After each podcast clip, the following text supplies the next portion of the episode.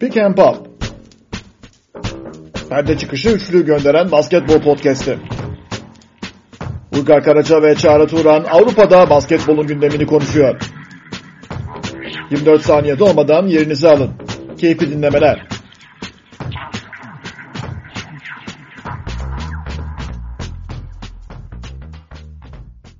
Pick and Pop'a hoş geldiniz. Yeni bir bölümle karşınızdayız. Ben Uygar Karaca, Çağrı Turan'la birlikte her hafta olmasa da e, çoğunlukla e, Pop'ta Avrupa'nın basketbol gündemini konuşmaya devam ediyoruz. E, son anda dilimi ısırdım Çağrı. iki hafta oldu e, galiba. İyi misin görüşmeyeli? Evet yani iki hafta mı ya kimse de sormaz herhalde yani Euroleague'de maçlar nasıl gidiyor falan. Çok da kimsenin umursadı yani endişelendiğini zannetmiyorum öyle. Maçların kalitesi yanıp gitmiyor yani. Ee, evet hatta şöyle bir şey var. Ee, daha hala Final Four'un geçen bölümde konuştuğumuz ve hatta işte biraz espri yaptığımız kendimizce dalga geçtiğimiz bir şeydi. Daha hala Final Four'un adresi halen belli değil ve tarihi de belli değil. Daha üstelik yani zamansal olarak e, yani mekansal kar- karmaşanın içine bir de zamansal karmaşa eklendi. Zaman ve mekanda yolculuk ederek Final Four'un tarihini öğrenmeye çalışacağız. Ee, senin bir favorin var mı? Mesela ben sana opsiyonları söyleyeyim. Berlin Mayıs sonu, Belgrad Mayıs sonu, Berlin Mayıs ortası. Belgrad yani Al- Almanya'da şimdi kuralların esnetilmesi falan filan orada bir sürü şey falan var, dert var. O işler daha kolay Sırbistan'da. Abi bir de araya bir Barcelona duydum ben. Onu duydun mu sen? Olabilir şöyle yaparlar. Bir kere temel şöyle bir sıkıntıları olacak bu arada. Yani açıkçası Fenerbahçe ve Maccabi'nin olmadığı herhangi bir Final Four'u doldurmaları diye bir şey söz konusu değil o salonu. Normal o bilet fiyatlarıyla kolay değil yani çok zor. Hani böyle çok basketbol seven böyle çılgın bir yere falan verebilirler belki Kaunas'a falan. Bir ihtimal zannetmiyorum yani öyle bir şey olacağını da pek. Kolay hani Barcelona giderse Barcelona'ya Final Four verip geçirirler yani olası. Bak onu şaşırmam. Evet öyle bir muhabbette de o da hatta işte e, onu bir tarafa bıraktım. Basketbol Şampiyonlar Ligi'nde de mesela birazcık sürpriz bir ev sahibi olarak Bilbao seçilmiş. E, orada daha önce işte Baskonyalılarımızdan çokça bahsetmişizdir. Yani o mevsimde bilmiyorum o Bask bölgesinde o yağmur altında enteresan bir tercih olmuş ama e, İstanbul'da yapacağı iddia ediliyordu mesela Basketbol Şampiyonlar Ligi'nde. Onlar da Bilbao'da karar kılmışlar. Hayırlısı diyoruz. Ne diyelim. Şimdi yani hafta... tarih belli olsun da. Asıl. Tarih belli olamıyor abi. Ya, uçak bileti ya sen zaten gidiyorsun. Ee, yani söylemiştim. Yani istiyorum tabii ama yani bu, bu kadar belirsizlikte ne olacağı belli olmaz tabii. Ama sen zaten konsere gidiyorum demiştin bak. Evet ona göre gidiyorum ama yani gidip onun tarihini böyle de başka saçma sapan bir zaman alırlarsa her şey ters de gelebilir. Öncesine alınması veya sonrasına alınması söz konusu. Yani sene ortasında o tarih değişir mi ya? Gerçekten hani inanılmaz bir şey. Ee, neyse. Biz her şeye kendimizi hazırlıyoruz. Biletleri almıyoruz. Ee, biletler yükselmeye devam ediyor arada falan. Bakalım. Maçlara geçelim. Birkaç haftadır Fenerbahçe'nin de Efes'in de bir sürü önemli maçı oldu. Ha bu arada onu da geçmeden önce Çağrı. Ee, Eurolig'in yeni sitesi. Ee, herkesin epey bir hayır duasını aldı diye düşünüyorum. Ee, sen onun üzerinden kaç e, olarak değerlendiriyorsun? Ben açıkçası yani 3 diyorum ya. Bayağı 3 diyorum yani. Nacizane bir müşteri deneyimi konusunda çok uzun süre çalışmış biri olarak söyleyebilirim. 3 çok iyimser. Bence de. yani ama ayıp olmasın diye 3 dedik o da. Ama şu mesela yani normalde böyle şeyleri de bir test edersin süreçten geçeriz efendim. Ne düşündüler, neyi planladılar, neyi tasarladılar, neye göre yapıldı. Hani bu sadece bak küçük bir anı yani Eurolig'in hani iş tarafından tüm organizasyon olarak hani ne yaptığını bilmediğin o kadar farkında olduğunun başka bir göstergesi sadece şu anda yani. O kadar kullanışsız, o kadar gereksiz yani. Aradığım çok temel bilgilere ulaşamıyorum şu anda yani. Hani bir yandan bir şeylere bakıyorum. O kadar kötü yani. Gerçekten etkileyici. Abi zaten sayfayı açıyorsun. Sayfanın yani şöyle bir geneline baksan dünya haritası gibi. Yani dörtte üçü su sayfanın. Hiçbir şey yok sayfada. Yazılar ya de, var. Bu devirde, bu devirde hala mobil siteyi ve aplikasyonu düzeltememeleri falan gibi daha büyük günahlar da var da neyse. Yani abi siteyi, aplikasyonu falan hani onları daha geçtim. Normal ana web sitesini düzelt bana. Ben açınca bak şu an açıyorum sayfa mesela standings. Standings yazıyor. Bütün sayfa bununla kaplanmış durumda. Gerisi resim. Standings'i ben göremiyorum bu sayfada. Aşağı gitmem lazım. Yani böyle bir komedi olabilir mi? Yani bunu kime yaptırdınız? Gerçekten. Yani söylesinler de biz yaptırmayalım ileride öyle bir şey olursa. Fena fena. Çok fena. Neyse standings sayfasını açtık. Ee, güç bela. Burada ne görüyoruz? Acayip şeyler görüyoruz. Mesela bunlardan biri işte Real Madrid ve Barcelona birincilik mücadelesi devam ediyor. Şu anda Barcelona tabi avantajı yakaladı. En son seninle konuştuğumuzda sen Barcelona'nın toparlayacağını söylemiştin. Ben Real Madrid'çiydim birazcık daha. İyi gidiyorlar diye geri dönüşlerle beraber. Ama ondan sonra yaptıkları iki maçı da Barcelona kazandı. Biri ligde biri Euroleague'de. Real Madrid Barcelona işlerine geliriz. Ee, biraz Efes'le Fenerbahçe'den konuşalım. Şimdi Efes'le Fenerbahçe öyle bir noktaya geldi ki Efes 24 maç oynadı. 12 galibiyeti var. Fenerbahçe Beko'nun 22 maçta 12 galibiyeti bulunuyor. Yani kazanma yüzdesi Fenerbahçe'nin daha iyi şu anda. E, playoff sıralaması 8-9'lar.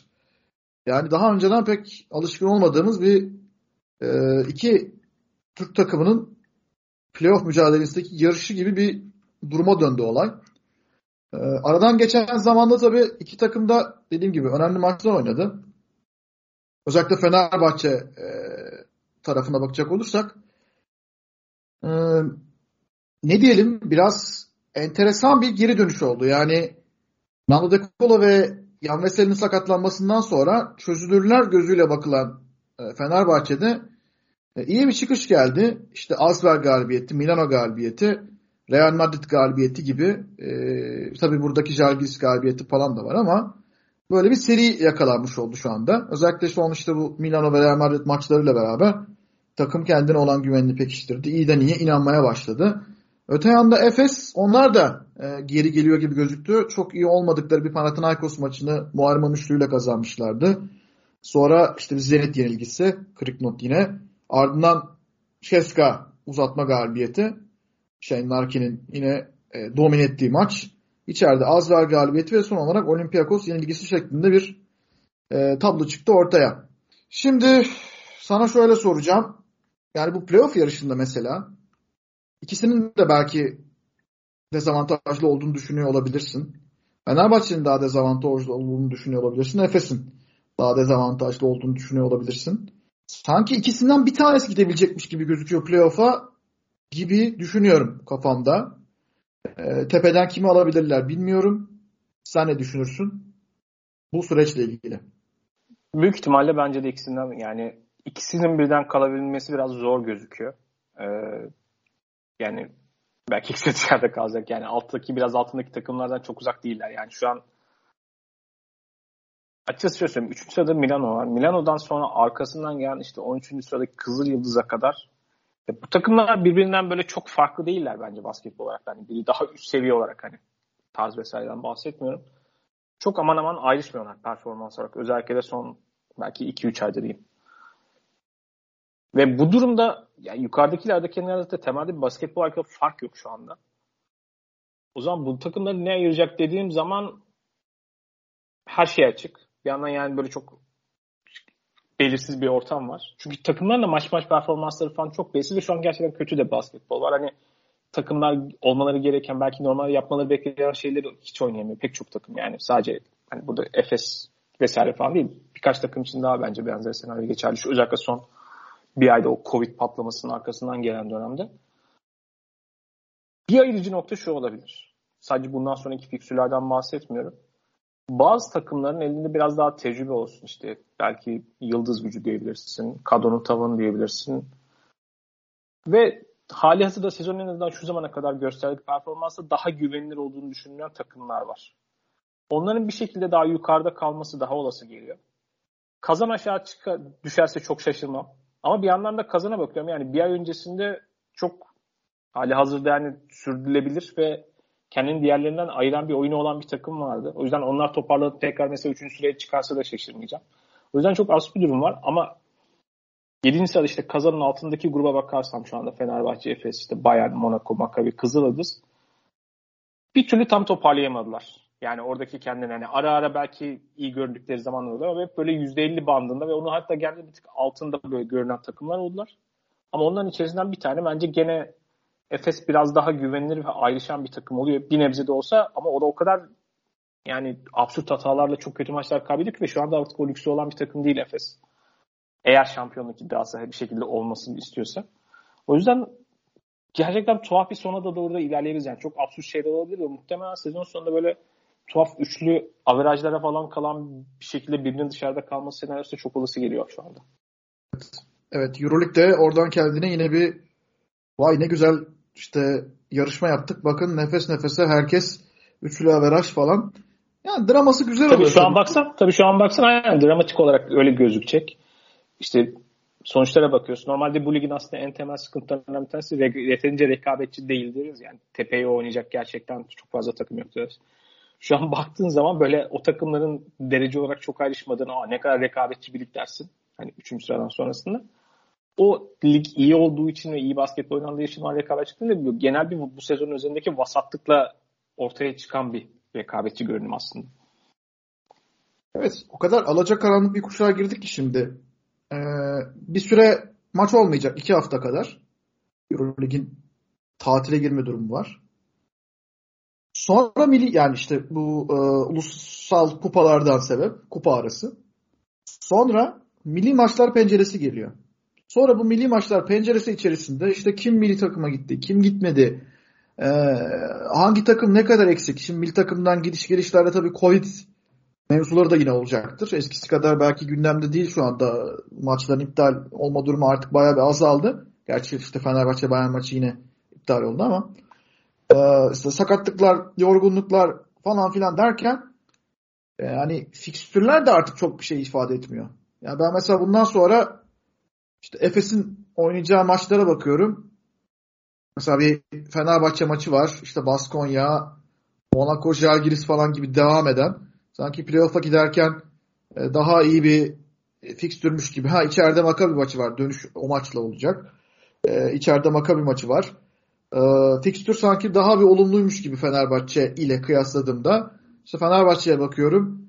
Monaco ile e, Fransa'da oynayacaklar. Son dönemlerin fondu takımı. Kızılyıldız'la deplasman yine hiç kolay değil. Sonra burada Efes, ondan sonra Ceska, sonra Zenit, Baskonya, Barcelona falan gibi giden e, bir serisi var. O yüzden hani fikstür olarak belki biraz daha önümüzdeki günlerde seri galibiyetleri elde edebilecek olan takım Efes gibi gözüküyor. Kağıt üzerinde tabii ki ama şimdi Fenerbahçe'nin de yakaladığı bir iğme var. Bunu da görmezden gelemeyiz sonuçta. Ee, birçoklarını şaşırtan ama aslında beni şöyle şaşırtmayan Djordjevic'in kariyerindeki takımlarında hep böyle bir lale devri ya da birkaç maç üst üste aldığı, tam gidiyor mu, bileti kesildi mi, takımla iletişim koptu mu derken hemen durumu çevirdiği birkaç maç üst üste kazanıp biraz daha yerini sağlamlaştırdı ve krediyi arttırdığı dönemler var ama bu dönemlerin sonu genellikle başlanılan yere dönüyor. Şimdi negatif konuşuyor gibi gözükmek istemiyorum. Fenerbahçe'nin maçlarına sürekli gidiyorum. Ee, içeride oynadığı maç. Özellikle Real Madrid maçındaki salonun o inancı çok başka bir düzeydeydi. Hatta yani bu sene ilk defa bir maça geç girmek zorunda kaldım. Çünkü ben maça girerken yani evden salona 10 dakikada gittim. Salonun içine yaklaşık bir saatte falan girdim. Öyle bir e, yoğunluk vardı ve hafta içi maçıydı. Ve çok soğuk bir hava vardı dışarıda. Yağmur falan yağıyordu hatırlarsın o günü. Ya, taraftar çok inanmaya başladı. Bu iyi bir şey.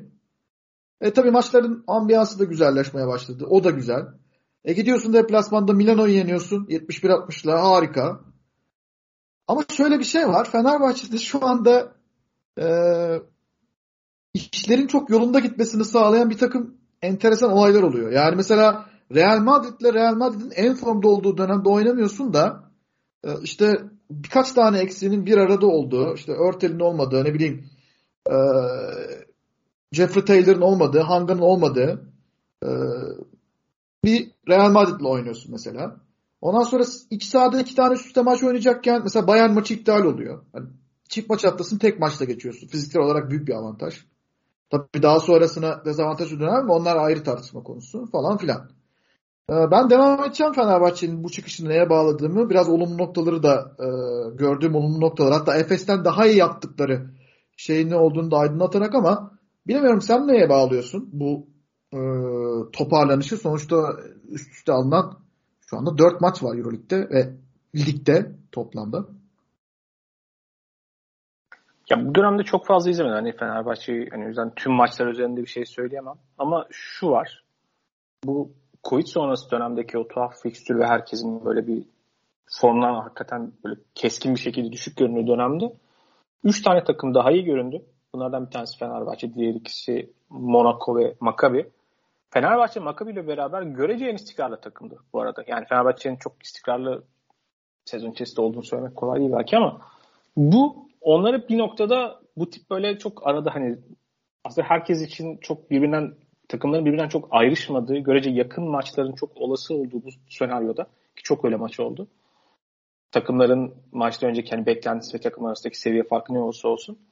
Bu Fenerbahçe bir avantaj sağladı. Görünen iki tane şey var. Hani bir e, sanırım Dekola vesile olmayınca Djordjevic'in yani takım işte biraz daha kenetlendi, mavi yakalı kimle benimsediği falandan bahsetmiyorum. Onlar çok ikna olmuyorum çünkü bu oyunculara topu vererek, özellikle Dekala'ya topu vererek daha öncesinde bir şekilde kolaya kaçtığı bir düzen vardı. Buna ihtiyaç duymadı. Sanırım o diğer oyunculara bir şekilde topunu da dağılarak biraz daha paylaşımcı olmaya bıraktı. Belki onun bir etkisi vardır. O açıdan böyle biraz daha en azından daha az yani daha iyi hücum etmiyor Fenerbahçe. Daha akıllı hücum ettiğini falan da söylemiyorum ama biraz daha birçok oyuncu böyle daha fazla işin içinde gözüküyor sadece. Daha az dağınıklar. Yani o görüntü var. Öte yandan savunma konusunda gün sonu şöyle bir şey var. Tabii Dekola'yı çıkarıp onun yerine biraz daha savunmacı bir oyuncu koyarsanız o savunma seviyesi artar.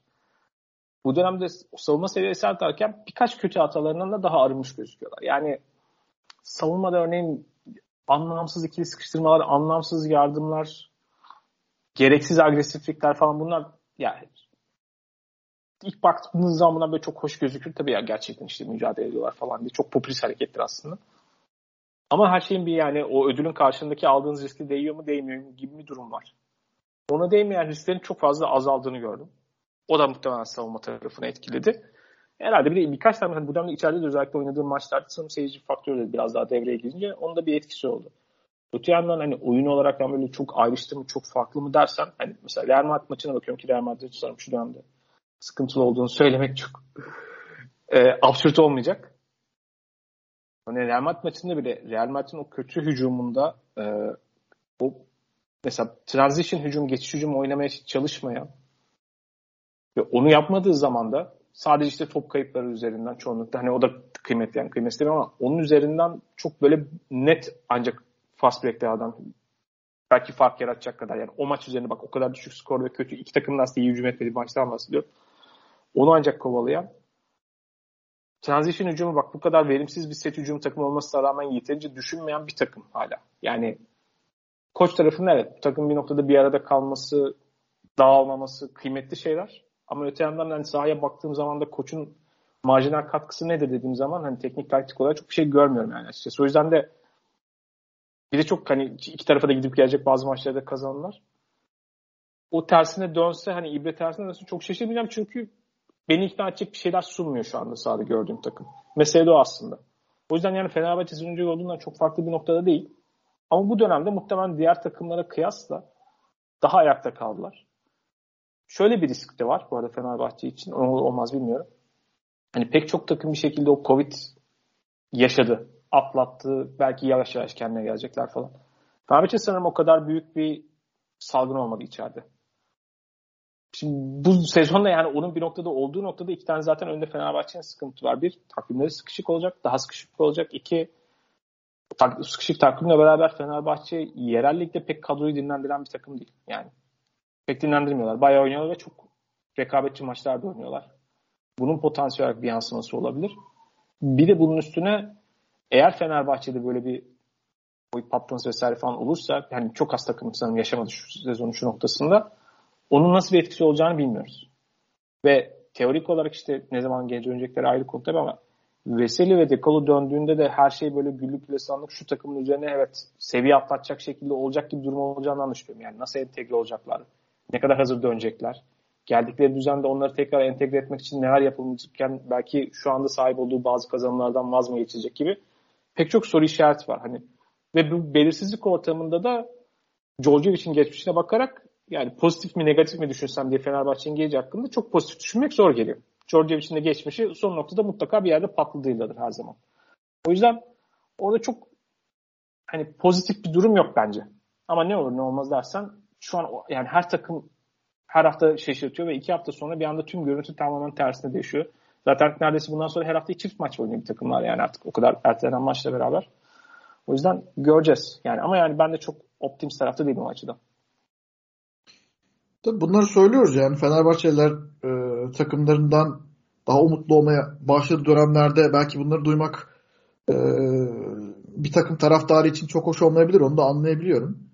Yani Fenerbahçe'nin gösterdiği o çabayı ve işte mavi yaka mücadeleyi de bayağı takdirle karşıladım açıkçası. Ha, mesela buradan şuna bağlayayım. Ee, Efes'ten daha iyi olan ne, nesi vardı Fenerbahçe'nin? Yani ben Efes'ten daha çok beğeniyorum Fenerbahçe'yi bu aralar. Onu söyleyebilirim. O da şu ki ligdeki Efes'e karşı kaybettikleri maçı da izledim. Yine aynı şekilde salonda. Bayağı dağıldılar son çeyrekte hiçbir şey yapamadılar. Yan parçalar. Yani Fenerbahçe'nin sene başında çok da hesaba katmadığı aslında. Mesela bunların başında benim bir numaralı favorim İsmet Akpınar geliyor. İsmet Akpınar sezon başında Şeyhmuz'un da yüksek form göstermesiyle takıma giremiyordu. Halbuki e, hem Alba Berlin zamanlarından hem daha sonra işte Ulm, kısmen Bayern, e, burada Beşiktaş, Bahçeşehir vesaire zamanlarından ve Alman milli takımı zamanlarından İsmet'in ne kadar e, az yakan hani ekonomik ama aynı zamanda bir o kadar konfor sağlayan tamam belki çok yüksek süratleri çıkartamaz sizi madem otomobil benzetmesi metaforu yapacağız ee, çok yüksek sizi süratleri çıkartamaz. Ne bileyim virajlarda o kadar e, esnek değildir. Yani drift yapamazsınız. Ee, ama mesela bir kaza yaptığınızda Allah korusun e, İsmet sizi korur mesela. Hani e, o tarz bir oyuncu. Yani çok maliyetli bir oyuncu değil. Bakarsın dışarıdan çok parlak gözükmez. Mesela İsmet'in e, işte Bursa Spor maçını. Şimdi diyeceksin lig maçı ne olacak?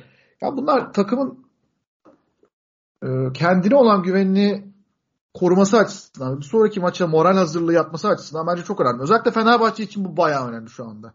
Çünkü bu kadar eksikle, bu kadar sakatla üst üste maç kazanmak onlar adına ekstra bir boost oluyor. Ekstra bir moral tarzı Bu takım zaten moraliyle böyle maçın içinde yaptığı o çıkışlarla e, var olabilen bir takım. İşte 3. 4. çeyreklerde genelde kurtarıyorlar maçı. Oraya kadar iflahları kesilirse oradan tekrar e, toparlayacak gücü bulamayabiliyorlar. Yani bayağı bir duygusal bir takım bu. O yüzden bu takımın maçlarını kazanması üst üste çok önemli. İsmet'e geri dönecek olursak İsmet e, son maçlarda artı eksi e, endeksine baktığım zaman Guduric'den sonra yani Polonara yine başka bir yan parça. Aslında ana düzlemde pek görünmeyen bir oyuncu ama e, hem Polonara hem de Guduric'den sonra en fazla saha içinde e, artı eksi katkısı verimlilik anlamında yüksek olan bir oyuncu. Mesela savunmada da çok katkı veriyor. İşte Azvel maçı diyoruz. Azvel'e sonuçta Fenerbahçe Fransa'da yenildi. İstanbul'da e, ya bunun olmayacağı bir garantisi yoktu. Ama işte savunma katkısı orada Eli Okobo'yu bir şekilde durdurması. Mesela İsmet'in birkaç pozisyonu var. Yani birkaç dediğim 3-4 tane böyle pozisyonu var. Bu önemli. Ee, tabii ki Polonyaların e, bu süreçte her ne kadar eksiklerini bazen görsek de devamlılığı bazen kesik olsa da verdiği katkı önemli. Bence Pierre Henry hala bu takımın hatta gittiği takımların direkt top kullanıcısı olabilecek bir oyuncu değil gibi gözükürken e, ya sonuçta burada Dekola var. Ya Pierre Henry mesela çok ekstra oynuyor. Pek çok maçta çok ekstra oynuyor. Ee, şutu bir tarafa genelde ona zor şutlar kalıyor. Onları sokabiliyor mesela. Ee, normalden daha iyi yaptığı bir şey. Ee, müthiş bir savunma katkısı var. O zaten hep olan bir şey Henry'de ama işte en son bu Real Madrid maçı 9 asisti vardı. Ee, Darşan Pierre yine bir yan katkı. ama yine verim alabildiği bir oyuncu Fenerbahçe'nin. En azından hani hücumlarda ne verebileceğini görebiliyorsunuz ve topu ona indirdiğiniz zaman o kadar da kolay kaybetmiyorsunuz. Çünkü o işte post up'ını oynuyor, ayak çalışmasını yapıyor vesaire bir süre geçiyor ve en azından hızlı hücum yemiyorsunuz yani öyle söyleyeyim. E, J.V. Floyd fena değil geldiği günden sonra. E, Ahmet'in ben o sakarlıkları falan çok göze batıyor. İnsanlar e, özellikle Fenerbahçe taraftarları çok beğenmiyor ama e, ya Ahmet'in Walter Tavares'e kafa tuttuğunu gördüm ben mesela Real Madrid maçında. Yani Tavares tabii onun revanşını birkaç pozisyonda aldı e, bloklarda falan da. Ha bunlar güzel gayretler, güzel çabalar. Bu yan parçaların bir araya gelmesi, kenetlenmiş olması çok güzel. Guduric için aynı şeyleri söyleyemeyeceğim. Çünkü Guduric e, maçları kurtarıyor gibi gösterip aslında bir yandan da Fenerbahçe için bence zora sokan oyuncu. Büyük şutlara giriyor. Evet büyük şutları da sokabiliyor ama e, bazen götürüsü getirisinden daha düşük bir düzeyde kalabiliyor. Yani ben son dönemde Fenerbahçe'de bu normalde süre almayan Şehmuz da bunların arasında var. E, ama kendini ispatlamak isteyen, kanıtlayacak çok şey olan oyuncuların e, eklemlenmesine bağlıyorum. Mesela Efes'te böyle bir şey göremiyorum ben Çağrı. Yani Efes'te çıkıp Elijah Bryant işte bir maçı çok iyi oynayamıyor. Çok kısmi maçlar var bir, birkaç tane. Maccabi maçından bahsetmiştik zaten daha önce. Ee, ama işte Simon, Boboa, işte e, Larkin ve Mitsic durduğu zaman yani Efes kenardan e, işte Doğuş Balbay gerçi yeni yeni düzeliyor ama hala oynayacak düzeye gelmedi belli ki. E, çok benzer katkıları göremiyorum ben. Orada o katkı yani İsmet Akpınar'ın yaptığı işleri yapabilecek Efes'te şu anda kim var? Ben çok fazla kişiyi göremiyorum. Biraz buna bağlıyorum ben Fenerbahçe'nin çıkışını. Bilemiyorum sana bir topu atayım burada. Ya oradan hani çok bir şey yoksa belki Efes'e oradan geçiş yapabiliriz. Yani Efes'in bununla alakalı bir kere şey yok ki. Yani bunu kurgulamakla alakalı düşünmek veya uygulamakla alakalı bir niyet yok bir kere. Bu olsa ben bunun olmayacağını düşünmüyorum. Yani sonuçta dönem dönem farklı parçalar, destekleyici parçalar çıktı ve gayet destek verdi. Yani, yani örneğin CSK maçına baktığımda orada Brian Lanston falan dönemden mesela çok iyi katkı verdi. Bence verebilecek parçalar var Efes'te de. Plas bence bazı son maçlarda aslında fena katkı vermiyor yani. En azından sahada istatistiğe yansıması da. Bence bunu yapabilecek oyuncular var. Bu Efes'in tercihleriyle alakalı. Efes çok statik olarak topu ter, yani iki buçuk oyuncunun eline verip ondan sonra çok da kendi alıştığı o konfor alanının dışına çıkmadan uygulamaya çalıştığı şeyleri tekrar ede ede ede aynı sonuçlara varmayı planlıyor. Orada bir engele takıldığı zaman başka alternatif bir şeyi dönmek konusunda yani bir niyeti yok, düşüncesi yok. Zaten biraz oradan başlıyor. Yani onun dışında diğer parçaları kullanmakla alakalı plan olsa bence çok şey değişebilir Efes'te. Ama onu yapmıyorlar. O biraz daha çok niyetle alakalı yani. Bu ana parçaların kullanımıyla bile alakalı. Yani şimdi standart bir Efes maçının bir noktasında şöyle bir şey oluyor yani. Ya ilk çeyreğin sonuna doğru ya da ikinci çeyreğin bir döneminde böyle Larkin birkaç tane şut deniyor. O şutlar girerse iyi. Tamam o zaman bugün gününde besleyelim. Girmezse bakalım. Öyle bir moda görülüyor. Şimdi Larkin sadece böyle kullanmaya çalışmak mesela verimsiz bir yapı ama bunun dışında çok çıkmaya da çalışmıyorlar. Mesela bunu anlamıyorum yani. Larkin gibi yani şu iki sezon öncesine dönersek Avrupa'nın bir numaralı oyuncusuydu. Ee, her şeyi belki yapabilen bir oyuncuyu sadece böyle çok sınırlı bir hani ya şu Togen iyisi iyi ondan sonra belki geri kalan topu eline verelim ötesinde kullanmayı düşünmemeyi mesela anlamıyorum yani. Bir oyuncu kullanmakla alakalı çok verimsiz yapıyor. Ha Shane alakalı da sahadaki tercihleriyle alakalı çok fazla soru işareti var. Onu tartışmıyorum yani. Bir tane oyuncu tarafında da var. Tek bir taraf suçlu diye bir şey söylemiyorum ama mesela son birkaç maçta hani Olympiakos maçı öncesinde işte biraz daha şutlarının girdiğini görünce önceki maçlarda falan evet demek ki herhalde biraz daha çünkü öyle de onunla bir kendine güvende bir eşik değeri var. O eşik değerini geçtikten sonra bir şeyler değişiyor. Evet iyi diyebilirsiniz. Ama mesele şu. Shane Larkin bayağı savunmada hani belki doğrudan merkezde bir almaz ama mesela top çalıp onun üzerinden bir şeyler başlatıp yani rebound alan veya top alıp hızlı gidebilen bir oyuncu vesaire. Şimdi sürekli Shane Larkin'i bir yerden perdeden çıkarıp işte şut atsın, oradan sonra gitsin. Sürekli yerleşik hücuma, sürekli zor durumun üzerine göndermek yerine yerleşmeyen hücum savunmaların üzerinden oynamak. Onu daha açık alana bırakmak. Belki onu sadece şut değil penetre etmesi için alan yaratmak. Hani bunların hiçbirine doğru düzgün neredeyse Efes çaba göstermiyor. Yani bir oyuncuyla birebir bırakalım sonra oynasın. Hani iyi eşleşmeleri bile bulmaya çok çaba göstermiyorlar. Ve bu Efes'in diğer yan parçaları dahil etmek kadar kendi ana parçalarını da alternatif şekillerde kullanmak konusundaki niyetiyle alakalı bir gösterge. Zaten o yüzden böyle bir gidiyorlar, geliyorlar. Potansiyellerine karşı daha fazlasını yukarı çıkaramıyorlar şu anda. En azından bu sezon öncesi, bu sezon içindeki görüntü. Bu geçen sezon önemli ölçüde böyle geçti aslında. Bir yerde o form bulup eşit yere aşılana kadar. Şimdi bu sadece şeyle alakalı değil bence Efes'te. Diğer oyuncuların olup olmamasıyla alakalı değil. Onunla alakalı niyet de çok daha fazla alakalıydı. Şimdi ben burada şöyle bir kıyaslama yapacağım. Bilmiyorum katılır mısın ama ee, biraz soyut düzeyde olacak ama şimdi savunma ve hücum komple baktığım zaman ve genel verimlilik düzleminde değerlendirdiğim zaman şimdi sen Shane Larkin dedin. Bence Shane Larkin'in liderliği büyüktür. Marco Gudur için liderliği o da büyüktür. Vasily için liderliği. Şimdi bu birçok insanın belki katılmayacağı bir şey. Birçok insan Mitsic'i işte maçları kurtarıyor, son saniye basketlerini atıyor diye e, daha önde görebilir. Ya bunu niye böyle söyledim? Şimdi Olympiakos maçını ele alalım. Efes'in işte uzatmada Sulukas'ın üçlüyle kaybettiği. Ee, kaç sayı attı Misic? 12 sayı attı. Ya önemli değil. Yani 12 sayı atarak da takımın en iyisi olabilirsiniz. Kaç tane üçlük attı? 7'de 1 üçlük attı. Ee, sağ içi isabeti 13'te 5. Yani 13 tane şutunun 7 tanesini üçlük olarak seçmiş. 14 asisti var harika. Yani muazzam bir rakam tabii ki maçta ulaşılması yani çok güç bir sayı. Çok saygı duyulacak bir şey ama uzatmaya giden bir maçtı vesaire.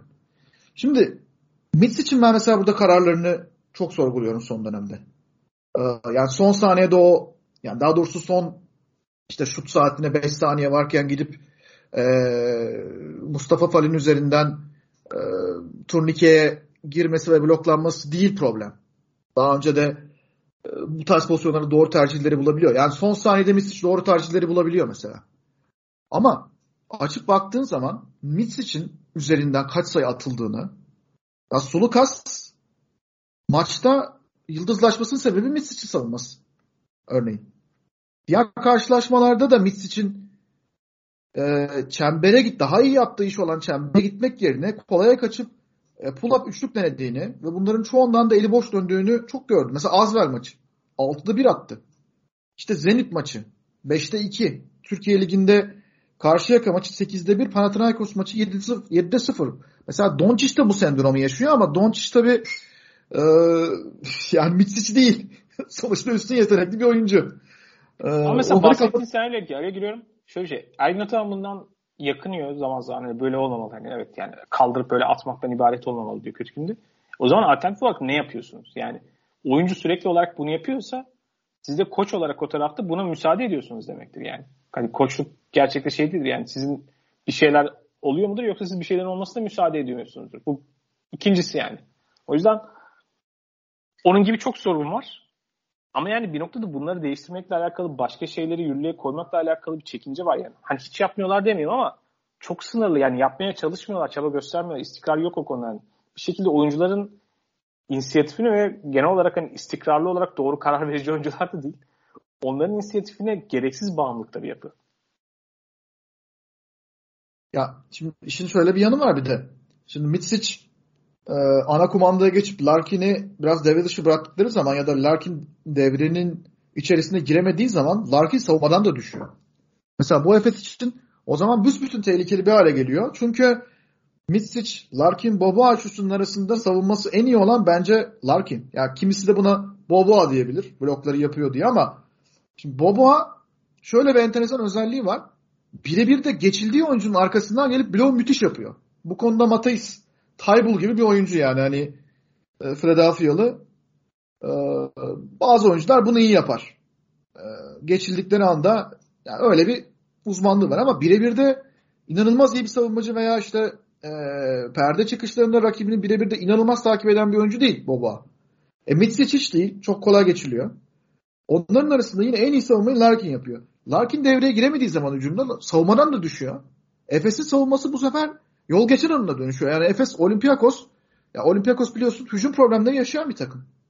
Ve Efes'e karşı e, birçok bölümde aslında daha hücum ettiler. Yani birçok hücumdan e, kaç atmış?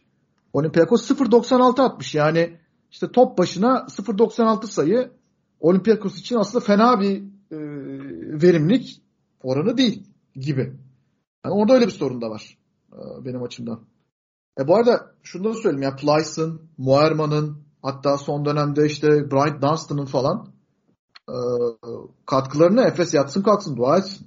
Çünkü onlar bence çok iyi oynuyorlar. Özellikle Plyce çok uzun süreler oynayıp e,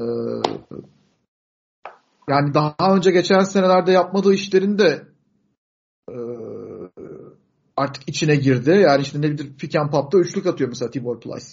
Hani çok yapmadığı bir şey. Fena da yapmıyor. Ee, Bence topun evet. dönüş yani topun dolaşmasına da ciddi katkısı var. Yani bekletmiyor, hızlı hareket ediyor. En azından topun on, sahada varken ve olmadığı zaman topun dolaşması da çok fark ediyor. Efes için kritik bir şey. Ya mesela son bir şey ben. Ya Tabii. bu maçın uzatmalarında ve uzat yani maçın son döneminde sürekli Efes kısası Mustafa Foll'la birebir kaldı. Şimdi bunu kullanacaksanız eğer bu eşleşmeyi birebir de kullanmak için fazla riskli. Çünkü penetre ettiğiniz zaman o boyutta ve o görece mobilitede bir oyuncuya karşı o kadar fazla avantajınız yok. Karşısında zaten birebir şut kullanmak çok iyi bir fikir değil. Eğer o avantajı birebir olarak kesin kullanmaya kararlıysanız illa kullanmak zorunda değilsiniz. Çünkü o zaman başka bir oyuncuyla başka bir mismatch daha vardır. Onu deneriz. Ona Efes hiç bakmıyor. Mustafa Foluk kurarken yeterince alan yaratmadığı için gerçekten o kendi açısından olabilecek avantajı kullanabileceği bir durum da oluşturmuyor. Kendini kötü duruma sokuyor. O avantajı dezavantajı dönüşüyor. Ve sürekli Mustafa Fol'un karşısına gidip kendilerini zora sokan hücumlar yaptılar. Çoğunlukla da başarısız oldular. Bir noktada maç kaybedildi yani. Şimdi bunun mesela görüp buna müdahale edilmemesi ve buna karşı sürekli yani aynı şey Efes'i zaten rahatsız edici olan şu. Ya aynı şeyi sürekli yapıp yapıp sanki farklı sonuçlar bekleyen bir topluluk gibi. Ve bu günün sonunda biraz kuça bağlar artık yani. Evet. Yani Efes'te işte mesela hani Chris Singleton da düzelmeye başladı. Chris Singleton sene başında ruhlarına oynuyordu. yani o da düzeldi. Yani çember koruması biraz düzeldi. Ama perimetrenin içine o kadar rahat giriyor ki rakipler yani 3 sayı çizgisinin dışından Efes'e karşı müthiş isabetli atıyorlar. Ee, bunu zaten Ergen Ataman kısmen açıkladı. Yani ben çember korumayı birinci planda tutuyorum. Üçlüyü bıraktım. Çoğu zaman bırakıyorum. Riske ediyorum. Ee, dedi. Ama yani işte rakibine göre de değişir. Olympiakos e, gerçi o kadar atmadı ama birçok takım Efes'e karşı öyle kendi en iyi yüzdelerini falan oynuyor. Üçlüklerde mesela. Bu da e, ilginç konulardan biri. Playoff'ta bunlar dert olacak çünkü. Eğer gidebilirse Efes. Şu anda evet öyle bir ihtimal de var. Yani gidememe ihtimali de var. Bunları aklımızdan geçirmeye devam edeceğiz zaman içerisinde. Ha bu arada ben yani Efes'in her şeye rağmen şu anda Fenerbahçe daha parlak gözükse de dediğin gibi e, birazcık daha avantajlı olacağını düşünüyorum. Çünkü bu geri dönüşler hep problemlidir. İşte takımın yıldız oyuncusu geri döndüğü zaman takımı her zaman çok iyi etkilemeyebiliyor bu durum. İşte Brooklyn Nets'te büyük üçlü nasıl bir hezeyan yaşadı bunu hep birlikte gördük.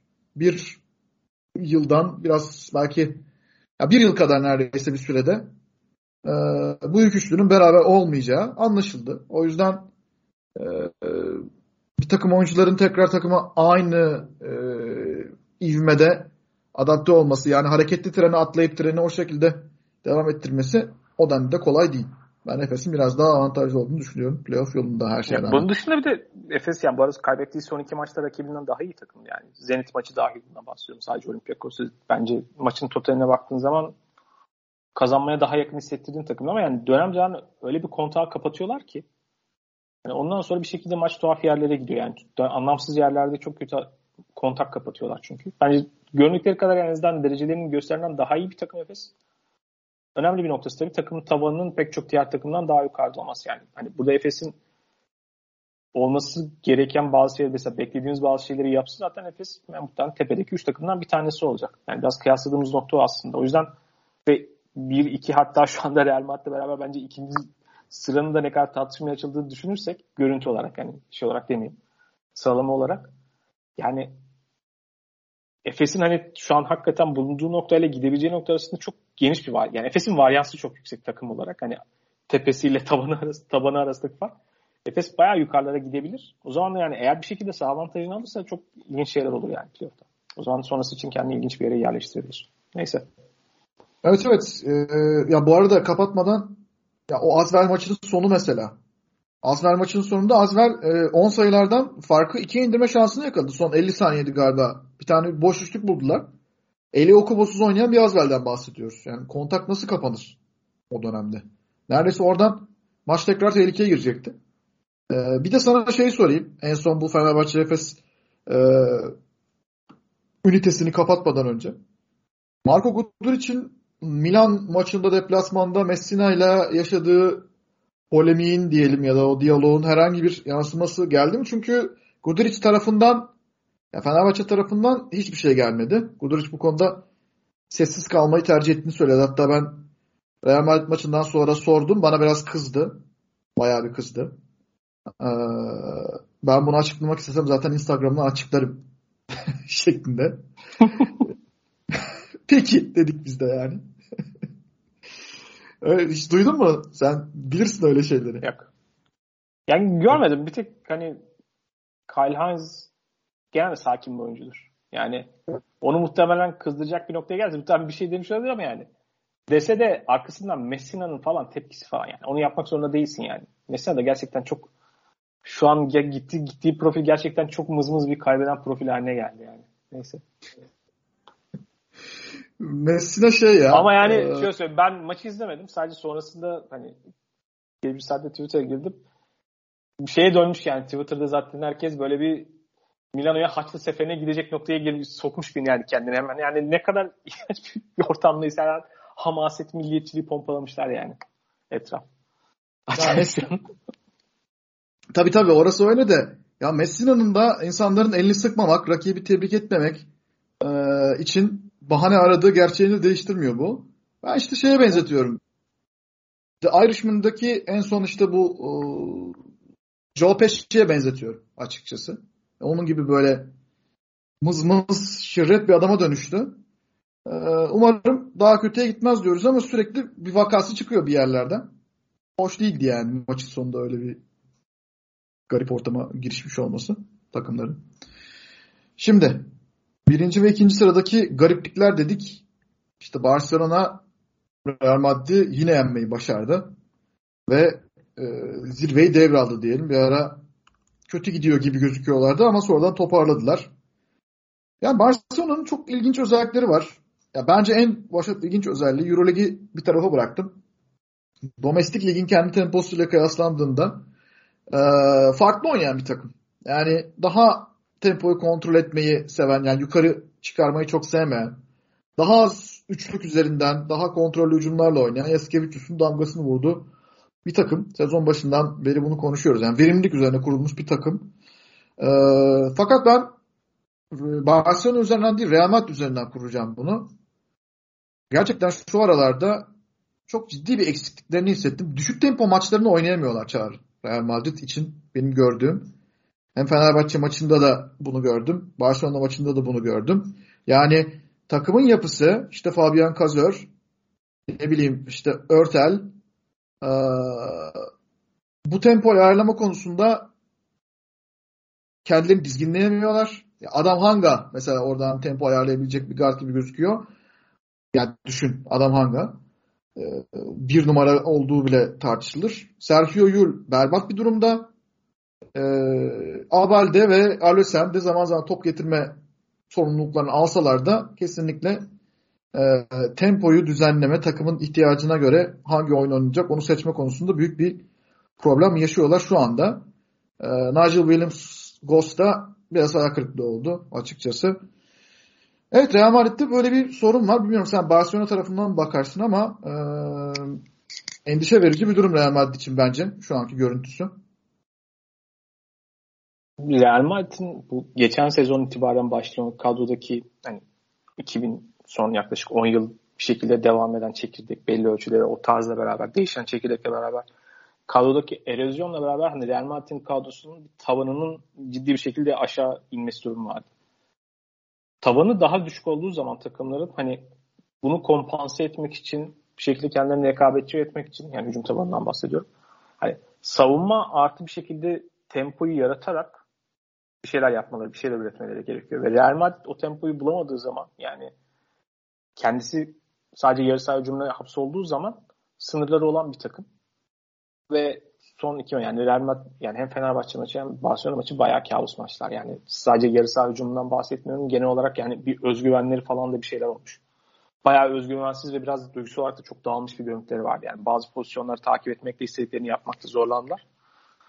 Ee, biraz o var. Yani duygusal olarak bir noktada onlar bir kıvılcıma bak yani. Mental olarak Pablo takımına bir şekilde çok güçlü kalıyor. Yani onların bir noktada toparlanacaklarını düşünüyorum.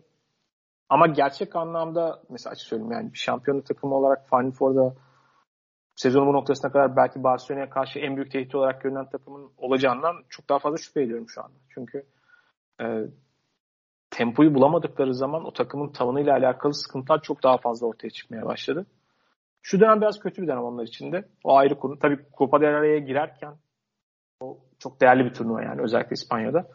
Ona girerken bu kadar kötü olmaları çok iç açıcı bir durum değil ama bir noktada daha savunmaya odaklanıp tempoyu arttırıp kendilerini tekrardan rekabetçi bir konuma getirirler diye düşünüyorum. Playoff zamanı geldiğinde. Çünkü ellerinde malzeme var ama sürekli böyle düşüşte olan ve hani sakatlıktan dönen, tam iyi dönemeyen, kendini kanıtlamış bir sürü genç oyuncu var. Şimdi onların arasında böyle bir iki üç tane biraz daha farklı olan ve onları yukarı çekecek oyuncu olsa onlar da belki daha yukarıya gidebilir ama şu anda o yok yani. Hani şu anda belki orada tek bu şekilde bahsedebileceğimiz bir fark yaratan oyuncu şu anda Tavares. Yani Geri kalan oyuncular parça parça dönem sonra hani istikrarlı olmayan oyuncular. Veya ana parça olarak Real Madrid seviyesinde taşımakta zorlanan oyuncular. O yüzden de mesela bahsettiğim gibi yan parçaları çok bir noktada hepsinin iyi oynaması gerekiyor. Çoğunun en azından iyi oynaması gerekiyor. Onu bulamadıkları günlerde böyle kötü maçları olacaktır yani. Bence Real Madrid'in sezon şu noktasına kadar yani bu kadar galibiyet mağlubiyet sayısıyla gelmesi bile oldukça iyi aslında yani. O yüzden Onların bence potansiyeli ve tavanı ile alakalı bir gösterge oldu tekrardan. En azından teyit oldu diyeyim. Ama e, sıkıntılı bir zaman muhtemelen gelecek yani sezon Nisan-Mayıs aylarında yani halihazırda kadronun tavanını düşününce. Çünkü Anthony Randolph çok şey gözükmedi. Geldiğinden itibaren çok hazır gözükmedi. Belki biraz daha toparlar zaman içerisinde. Hani Sergio Llull bir noktada iyice düşmüş gözüküyor. Hani geçen sezondan itibaren böyle ara ara parlamaları oluyordu ama şu an o da gözükmüyor geri kalan parçalardan da onu alamadıkları zaman hücum olarak da çok sıkışan bir takım. Yani bir şekilde sen Pablo Ozor'da böyle biraz e, biraz daha radikal deneyler yaparak bir şekilde tempoyu artıracak bir şeyler yapacak. Şöyle de bir sıkıntıları var. Real Madrid savunma tarzı olarak bir şekilde rakibe bazı tuzaklar hazırlayan ve rakibi acele etmeye, onları yanlış yönlendiren, onlarda bir illüzyon oluşturup onun üzerinden biraz rakibi aldatmaya yönelik bir takım. Yani örneğin işte 24 saniye gerekse tamamını ve pek çok farklı savunmayı savunacak böyle planlı, kendi çok sağlam prensipleri olan, çok iyi savunma rotasyonları olan, çok alternatif planları olan bir takım değil. Yani öyle bir tarzlar yok. Hani Barcelona mesela temel olarak o, o felsefesi var. Biraz daha farklı bir yapıda kurmuş takım. Şimdi Real Madrid'in eğer başında savunmasının hazırladığı bazı tuzaklara karşı iyi planınız varsa yeterince sabırlıysanız bunları da bunları da Real Madrid'in ters haline dezavantaj haline getiriyor. Örneğin Barcelona maçında Real Madrid'in işte çok yaptığı sevdiği şeylerden bir tanesidir.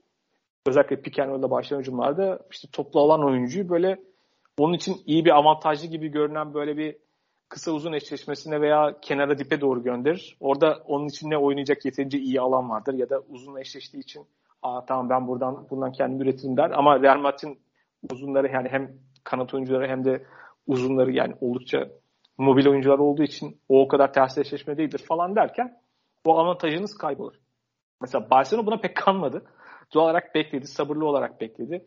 Diğer şeylerden de örneğin o ilk birkaç saniye hücumda Real Madrid aradığını bulamadığınızda mesela topu tamamen diğer tarafa çevirip orada çok istediği avantajlı pozisyonları yarattı ve onun üzerinden bayağı iyi şutlar buldu yani.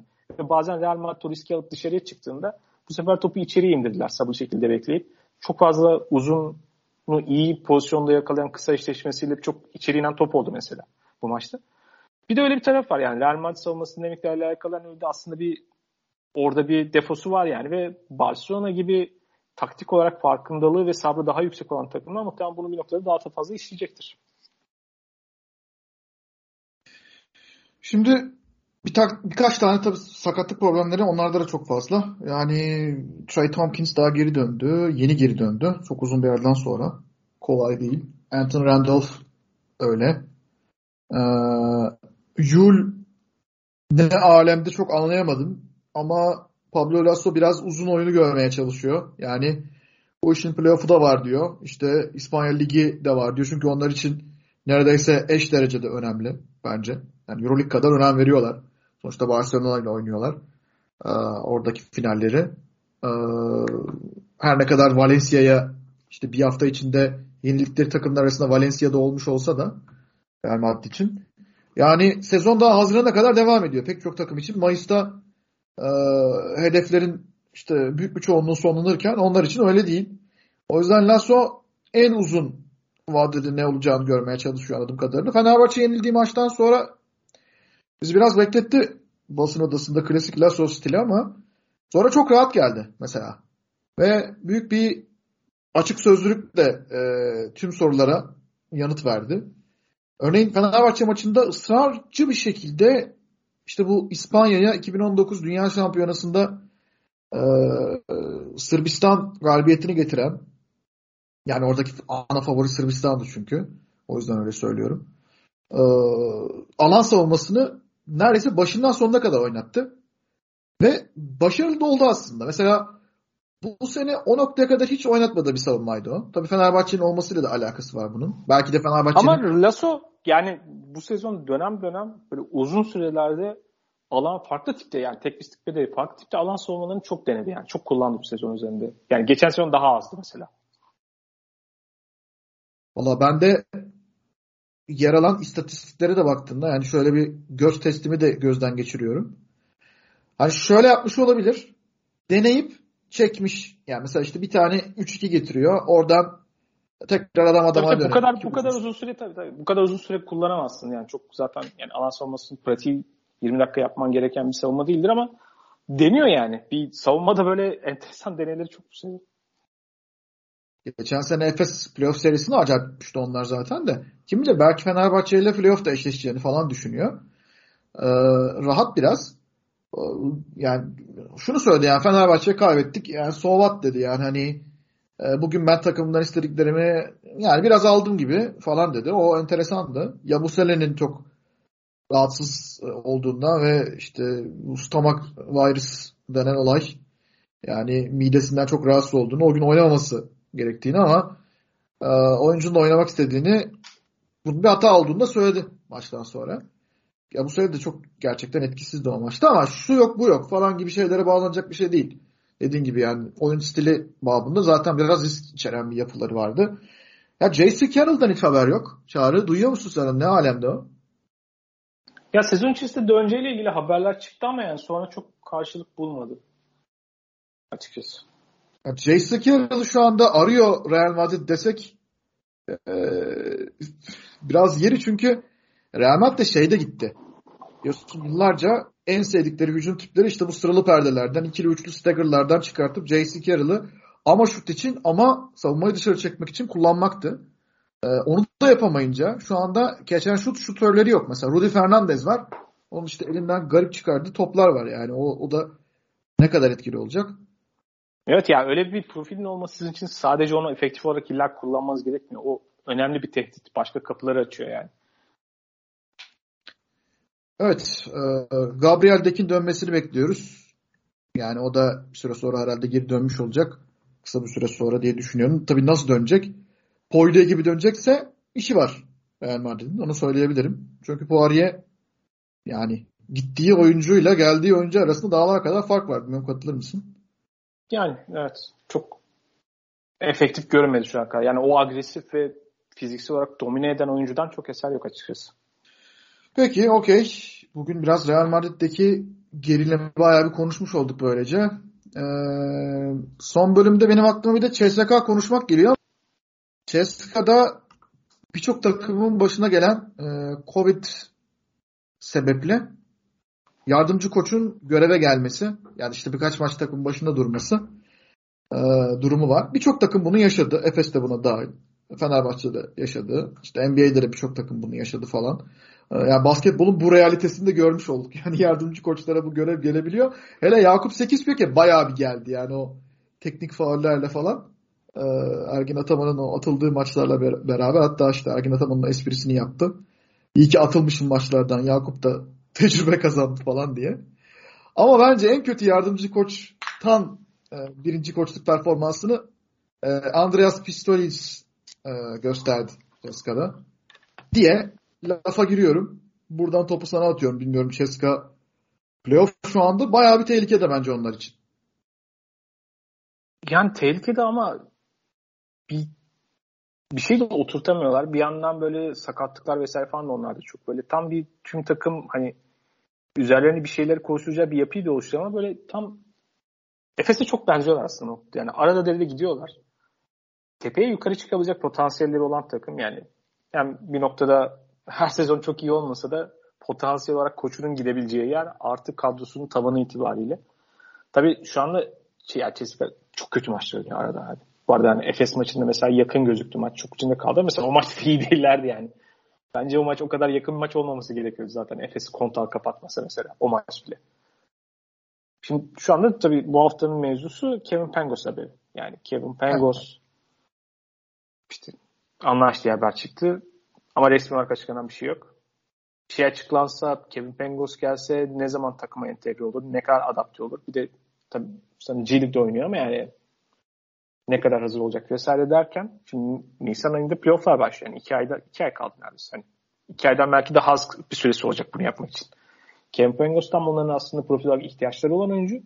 Ama şu an bunun zaten takımda bir sürü şey oturmamışken bir de onu oraya entegre etmek gibi ve bu arada sürekli her hafta rekabetçi ve zorlayıcı ve takımın kaderini etkileyecek maçlar oynamak gibi bir sorumluluğu var bir yandan CSK'nın. Yani o bir sürü bilinmeyenle denkleme bir tane daha büyük bir denklem, bilinmeyen bir denklem ekledi. Yani her tarafı işi götürebilir yani açıkçası. Bilmiyorum CSK'nın sanırım yani Kevin Pangos özellikle gelirse gerçekten ondan sonrasındaki sezonun bence geri kalanındaki en ilginç bence Efes'le beraber izlemesi merak edeceğim iki tane takım ne olacak yani ne yapacaklar. Çünkü çok ilginç yerlere gidebilirler ikisi de. Evet. E, ya Kevin Pangos haberini işte bizim Basket News'ta yayınladılar. O %80 Donatas Urbonas'ın bir yerden duyduğu bir haberdir. Ve onun kaynakları da biliyorsun sağlamdır. Ben o haberin çok büyük bir oranda doğru olduğunu düşünüyorum açıkçası. Son anda, yani son anda bir pürüz çıkabiliyor. Mitsic'e de kesin gidiyor gözüyle bakıyorduk. İşte NBA bu. Son anda öyle bir teklif geliyor ki öyle bir şey oluyor ki bir son dakikada bir şey oluyor. Vazgeçiliyor falan ama zaten Vatutin Pengos'u bir yaz boyunca beklediklerini söylüyor zaten kendi ağzıyla. Benim şaşırdığım şey ee, yani bir point guard problemi bu kadar uzun süre çözülemez mi? Ceska gibi bir takımsın. Neredeyse ya bütçen sınırsız demeyeyim ama en yüksek bütçelerden birisin. Hatta en yükseğisin. Euroleague'de benim bildiğim kadarıyla şu anda. Bunlar da çok muğlak tabii ama bir gardı ya kendini neden böyle bir tek bir oyuncuya bağlayıp da B planı e, olarak Alexey Şived'i o da yani birazcık eski bağlantılara istinaden getirmişler belli. Yani Şived'i, Şived'le yedeklenir mi Kevin Pangos mesela? Hani oraya bir tane sağlam bir guard ee, ama NBA'den ama G League'den ama bir yerlerden bence e, geliyor olabilirdi. O benim çok garibime gidiyor mesela şu anda. Guardsız kaldılar. Yani hala da guardsızlar yani. Ya şu var. Oyununuzu daha klasik anlamda olan bir point guard'ı işte yönlendirici olmadan da oynayabilirsiniz. Ki CSK'nın elinde ona yönelik aslında malzeme de var. Ama onu da çok yapmadılar. Onu da istikrarlı yapmadılar. O yüzden zaten biraz e, tuhaf yani. E, onu şey yapmıyorum yani. Bence yedek guard olarak düşünülebilir. E, Alexiev ama Alexiev de çok fazla sorumluluk verme ve topun onun elinde çok fazla kalması gibi bir sıkıntı oldu yani. Bir yandan hani eğer yani okuduğum rakamlar gerçekse öyle çok uygun maliyetli de değil yani. Neyse. Ya Şivet baya zaten kendisi gelmek istemiş. Yani Vatut'un anlattığına göre. Ha, o gelmek istediyse o, o rakamı bir yerlerden birileri de yazar. istediği rakamı da alır. Gelir tabii. Ha, yani hani öyle bir bağlantı olduğunu ben düşünüyorum. Çünkü diğer türlü sağdaki Şivet yani Himki'deki son dönemlerinden de kötü. Bence şu anda. Ee, Yani geleneksel anlamda çok fazla komplikasyona girmeden top dağıtacak bir guard da kullanamıyorlar. Yani Ife Lundberg de çok düştü. Eskiden o böyle işleri böyle kenarda kıyıda köşede görünmeyen ama e, katkı sağlayabilecek işleri yapıyordu. Onu da ya mesela e, SWAT, SWAT 5'i tarzı gruplar vardır ya böyle takımlar böyle evet. özellikle sıkıntılı durumlarda onları falan koyar. Mesela işte tabii ki sakatlığı var mı? Clyburn, Grigonis geri döndü. O var. İşte Milutinov var. Şengelya var. Hani bunlardan üçünü sahada tutup çok yani Lumberg artı bir tane daha savunmacıyla ki o orada pozisyonda olacak adamların oyuncuları var. Mesela bu tarz beşlerle böyle biraz daha farklı şeylerin üzerine giden belki savunmayı bir noktada daha yukarı çıkarmayı hedefleyen beşleri kullanmak ve bunda ısrar etmek gibi dertleri de olmadı. Yani o yüzden de ya herkes bir yandan sezon şu noktasında şöyle bir şey. Eğer playoff'un içinde yarıştaysa ve çok da böyle bir adım uzaklıktaysa hani onu çok dert etmeden böyle sonrasına yönelik alternatif kendi tavanını yukarı çekecek çözümler arıyor gibi. Biraz da o var sanırım. Ama yani kazanma noktasında belki öyle bir beşi oluştursa, öyle birkaç oyunculuk en azından kendilerini daha güvenebilecekleri böyle bir 7-8 oyunculuk bir rotasyon oluştursalar ve onu biraz daha hazırlasalar bu noktadan sonra belki daha iyi olur açıkçası. Yani Daniel Hackett'ın işte Azrail maçında 27, Unix maçında 33, Efes maçında 31 sayı atmak durumunda kaldı. Ki bunu da yaptı eski günleri hatırlatırcısına ama son dönemde daha fazla yani ana garda yardımcı gard ve savunma işlerine daha çok bakan enerjisini odaklanmasını oraya ayıran bir oyuncu e, gibi gözüküyordu. Yani Hackett'ın kendini aşırı zorlamak durumunda kaldı. Ee, Bicheska ile karşı karşıyayız. Burada işte Grigonis mesela bir türlü nasıl oynatılacağına karar verilememesi. İki mi oynayacak, üç mü oynayacak, bir mi oynayacak? Grigonis devre dışı. E, Milutinov ya Olympiakos'ta spondilistle oynadığı zamanlarda yani ne kadar e, ikili oyun katkısı veren hatta zaman zaman post-up e, verip biraz rakibi oyalayabildiğiniz, faul aldırabildiğiniz bir oyuncuyken Milutinov ortalarda yok. O da işte sakatlıkları çok etkiliyor. Şengelya deli gibi post-up oynarken şu anda sakat gerçi ama e, e, çok enteresan kopukluklar gösteriyorlar maç içinde. Mesela Efes maçını kaybedişleri çok ilginçti. Yani Mitch için o ikili oyundan sonra Milutinov ile eşleşmesi switch üzerinden Kurbanov'un yardımı getirememesi normalde Kurbanov oyuncuyu görür 10 kilometre uzaktan ateş üfleyerek alev saçarak uzaklaştıran bir oyuncudur sen de biliyorsun. Yani normal yaptıkları işleri de yapamıyorlar. Ve Makabi'ye de yenildiler en son oynadıkları maçta. Ee, Unix'e 3 uzatmada yenilmişlerdi. Dediğim gibi zorlayıcı ve e, içinden ya mesela durumun durumun aciliyetini hissetme anlamında en azından Efes'te bir tık daha bir adım gözüküyor. CSK'da o da gözükmüyor yani. Son birkaç haftaya bakınca. O sanırım biraz daha endişe verici olan tarafı. Evet. Evet durumlar böyle. Bu arada e, en son o Unix Ceska 3 uzatma e, maçını e, bir daha hatırlayacak olursam yani Efes yan parçalar mevzusuna da bağlayacak olursam mesela Unix'in o maçı kurtarmasını sağlayan oyuncuların başında e, şey geliyor. Dimitri Uzunski geliyor. Acayip bir kulaç e, oyun oynadı son bölümü. E, en azından normal sürenin son bölümünü. E, sadece o da değil. Mesela Zaitsev hiç yani York'ta kullanmadıkları bir oyuncu. Yani bu yan parçaları da böyle anlarda ihtiyaç var işte. Yani Efes'in tekrar baştaki yere geri dönmüş olacağız belki ama Efes'in hatta Ceska'nın da yani Fenerbahçe bu işi iyi yaptı. Unix iyi yaptı. Maccabi şu arada iyi yapıyor. Jake Cohen falan tekrar döndü çünkü. Colairo, e, Di Bartolomeo gibi isimler tekrar döndüler yan parçaları daha iyi kullanan bu playoff yarışına giderken daha avantajlı gelecek e, klişesiyle bitiriyorum. Çare. Senin ekleyeceğin şeyler varsa alalım yoksa kapatalım abi. Bence önceki haftanın en önemli yan parça performans zaten şey. Bir dönemin Amerika'daki bir numara prospekti o buzzer beater atması. yani um, Unix takımı gerçekten o, o komedi takım görüntüsünü başka şekillerde korumaya devam ediyor. Ee, biz John Brown en aklı başında adam diyoruz ama John Brown e, takımın jokeri çıktı. Yani hani sürekli soyunma odasında espri yapan. Ya John Brown'un şey huyu varmış.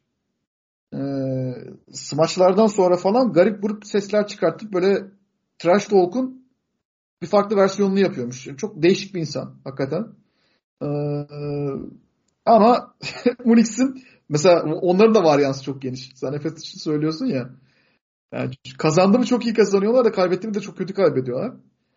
Ee, ama O.J. Mayo'nun e, evet yani buzzer beater'a inanılmazdı. Ya bir sürü benzemez karakteri idare etme bir şekilde değerli toplu kalmaları konusunda Perasoy için tekrar performans göstermesi var yani. Başka kim idare edebilir bilmiyorum yani. O kadar ilginç ve birbiriyle çok alakası karakteri yani. Çok ilginç karakterler var o takımda. Evet. E, Unix'i izleme devam edeceğiz tabii. Kendini izlettiren bir takım. Bence de kesinlikle katılıyorum. Çağrı ağzına sağlık. Bir bölümün daha sonuna geldik. Görüşmek üzere. Hoşçakalın. Weekend Pop'ta bir sonraki bölümde yeniden buluşmak dileğiyle hoşçakalın diyoruz. Bay bay.